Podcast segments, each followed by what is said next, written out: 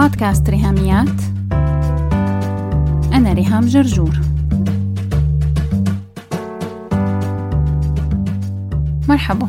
في بنت صغيرة كان عمرها سنتين ويا دوبك بتعرف تحكي. لاحظوا أهلها إنه أحيانا بتعصب وبتغمض عيونها بقوة وبتصير تصرخ وتقول عيوني سود عيوني سود أخدوها عند دكتور العيون واتضح إنه عندها مرضين وراثيين قصر نظر وحول داخلي ولبست نظارة من هي وعمرها سنتين. ومرت السنين وهالبنت مع كل زيارة لدكتور العيون كانت تسمع نفس المعلومة وتتعلق بهالوعد أكتر وأكتر. إنه لما تكمل 13 سنة رح تقلع النظارة لو بس هي اجتهدت وضلت لابستها طول الوقت. سنة 1992 كملت ريهام 13 سنة وضلت لابسة النظارة.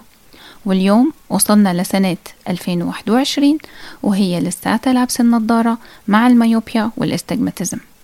لسنين طويلة حرفيا عمري بحاله ضليت عايشة بوهم إني رح أشلح النظارة لما كمل 13 سنة. طيب 23 طيب 33 ولا حتى 43 الوهم بيكمل معنا طول العمر بقمة اللامنطق. إذا نحن سمحنا له وما واجهناه بالحقيقة وحطينا حد للوهم وودعناه وفارقناه. صعب فراقه لأنه بيكون صار مثل الصديق منحس بالخيانة لو نحن تخلينا عنه. يا ترى شو هي الأوهام يلي عايشين معها؟ صار لنا سنين طويلة. هل عايشين معها ولا عايشينها فعليا؟ عايشين حياة هي بذات نفسها وهم. يمكن الوهم هو واقع حالي شايفينه بطريقة غير حقيقية أو حلم مستقبلي ومتمسكين فيه بس بعمره ما رح يتحقق. الأوهام نوعين. في أوهام فردية شخصية بتختلف من واحد للتاني وفي أوهام جماعية بتلاقي مجتمع بحاله أو جيل بحاله كله شايف شي معين سواء بالوقت الحالي أو شايفينه مستقبليا وعايشين على هذا الأساس. لهيك بهالحلقة حابة نحكي عن أكبر وهم جماعي منتشر حاليا حوالينا وخاصة على السوشيال ميديا بمواقع مثل إنستغرام وفيسبوك. وهالوهم اسمه Optimized Life.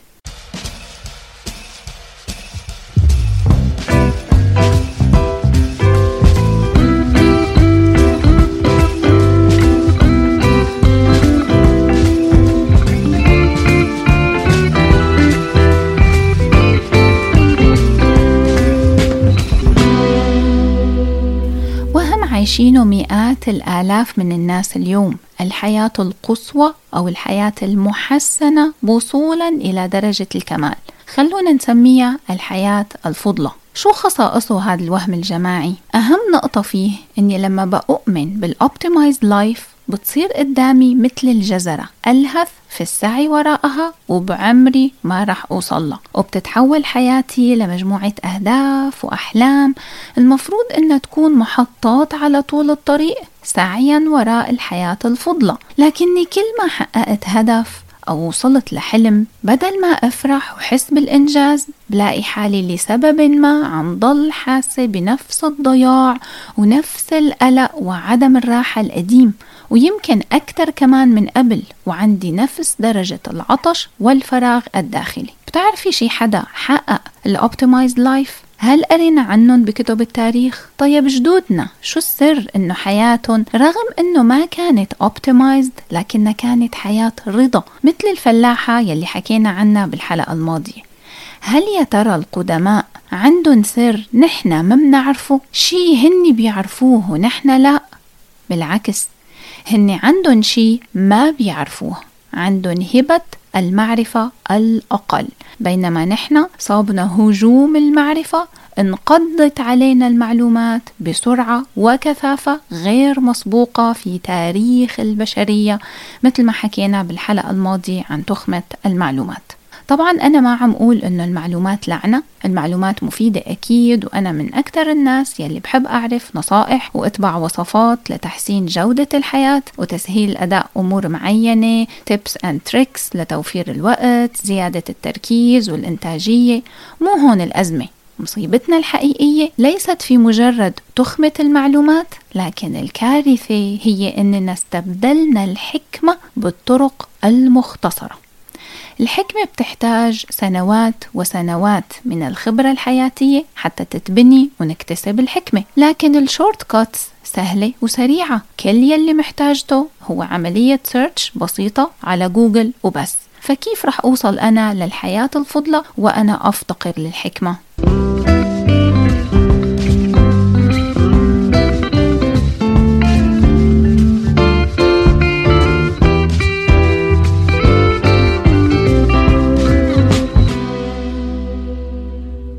مشاكل وهم ال optimized life إننا رسمنا لحالنا صورة مثالية عن حياتنا يلي لازم نسعى للوصول إلها فوقعنا بالهوة وابتلعتنا الفجوة الرهيبة القابعة ما بين وين أنا اليوم وشو الصورة يلي عم أسعى كون عليها. لما تفتحي فيسبوك أو إنستغرام بتشوفي ال ideal self يلي بتتمني إنك تكونيها. ومع وهم الحياة الفضلى بتقرري إنك تسعي لتحقيق الذات المثالية وبالتالي تبدأ عملية التهام المعلومات إلى حد الإدمان والتخمة والنهم فبتصير المعلومات عبارة عن قاتل صامت. وكل يلي إذني سامعته هو نداءات الأوبتمايزد لايف استنوا خمسين سنة؟ لا ليش خمسين؟ أعتقد عشرين سنة بس وتفرجوا على شيء اسمه cultural consent إنه بالإجماع رح يكون الرأي العام عم يقول هم أجل لم نكن نتوقع حدوث هذا وانتهى بنا الأمر إلى اكتشاف أن ثورة التكنولوجيا لم تكن كما توقعناها. من 100 سنة كان النيكوتين والكوكايين يعتبر دواء سحري. والشركات حطت منه بالزبدة والمياه الغازية وكانت الدعايات والإعلانات عنه أنه بيساعد بتخفيف آلام المعدة والشفاء من الاكتئاب. بعدين بال 1930 وكمان بالأربعينات وعيوا شركات التبغ أنه المنتج تبعهم مؤذي ومميت وبدأ يتسبب بأمراض مزمنة ويؤدي إلى الوفاة فيتوجب إغلاق شركات السجائر. طبعا مو هذا اللي صار. لا تسكرت الشركات ولا في أي شيء تغير فالسؤال الخطير هون هل ال gaming وال social media هي تبغ القرن الواحد والعشرين؟ هل الهواتف الذكية هي كوكايين اليوم؟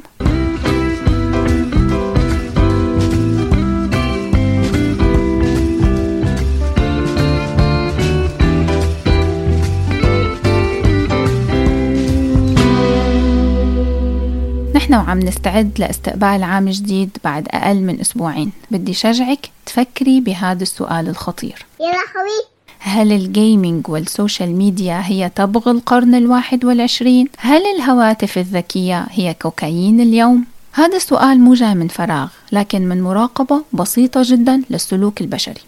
هذا النمط يلي نحن بنمشي عليه كبشر. إنه أي شيء جديد بمجتمعاتنا وحياتنا أول ما بيظهر بنتهافت لنجربه فبنتحمس له وبنتبناه at full scale. وبنجي بعد 30 أو 50 سنة بنبدأ نكتشف ونشوف التأثيرات السلبية لما تظهر وتنتشر. فمنقوم كردة فعل بنعمل بقى regulations وقوننة وبنحط الضوابط والأطر. لكن للأسف innovation always outpaces regulation.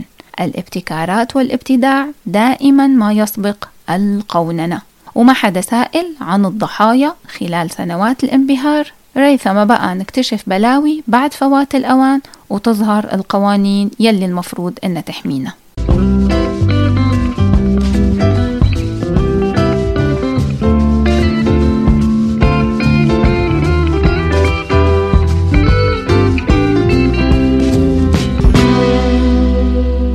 جربي تكملي الفراغات بهالجملتين بما يناسبها من أفعال.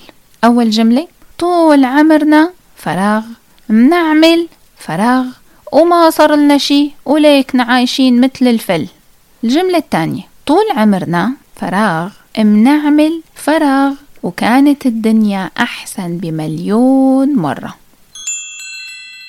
الفكرة أننا ما رح نرفض الجديد لمجرد خوفنا منه. فنتبنى نظرية المؤامرة ونرجع للقديم البالي ونتمسك فيه رغم أنه أكل الدهر عليه وشرب. لكن بنفس الوقت ما بدنا نتهافت على تبني الجديد على العمياني بحجة التحضر والعصرية يقوم هذا الجديد يودينا في ستين داهية. رح أعطيكي مثال كيف فينا نملى الفراغات بالجمل يلي قلتها. وهي أمثلة أنا دائما بذكرهم بمحاضرات كورس ال digital detox. طول عمرنا منضرب من أهالينا بالحزام والعصاية الخيزران وليكنا زي الفل ما صار لنا شي.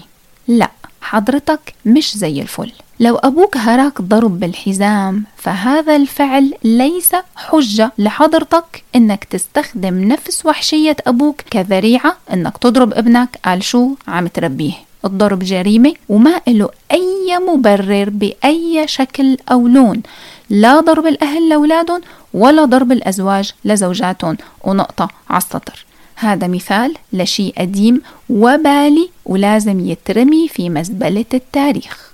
طول عمرنا بنلعب بالجنينة وبنلعب كورة وبلية ودحل وطميمة واستغماية. ولا كان في تابلت ولا gaming ولا زفت وكنا أذكى وأشطر وتحصيلنا الأكاديمي بالمدرسة كان على أروع ما يكون. طول عمرنا كأمهات منعاني مع بيبيهاتنا بالشهر السادس وبداية الأكل ال solid food ولا كان في موبايل ادحشه بنص عينه لابني لحتى ياكل على أنغام. طفل القشط طفل القشط طفل القشط طفل القرش. هدول مثالين لأشياء حديثة اتبنيناها ودمرت عيشتنا. ولازم لازم نرجع للقديم يلي هو كان السبب بخيرنا بالماضي. لكننا خذلناه لما حياتنا تعرضت لغزو من أمور براقة بظاهرة لكن هي سم زعاف. خلت الأمراض تتفشى بحياتنا وسببت دمار شامل ويا خوف يكون فات الأوان وعلى قولة إيمان الإمام بالأسبيتاليا كل أمنياتي بالشفاء والقوة لكل محاربي الأمراض في كل مكان. أنا كمان بتمنى لنا كلنا شفاء وقوة. نحن وعم نحارب ال informational obesity إننا نوعى لوهم ال optimized life ونسعى وراء اكتساب الحكمة بدل الاستسهال بالطرق المختصرة.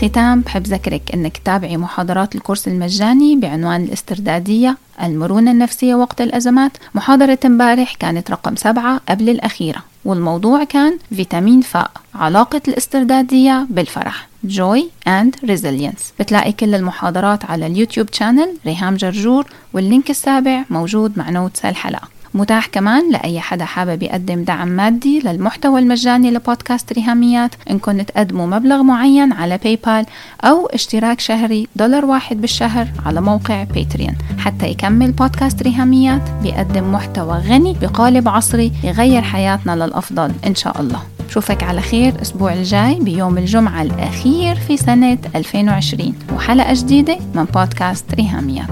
بس هيك.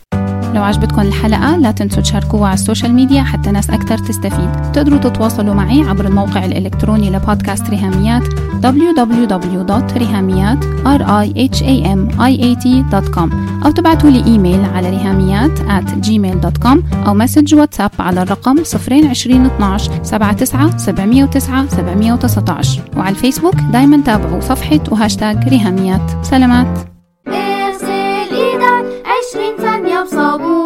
Well.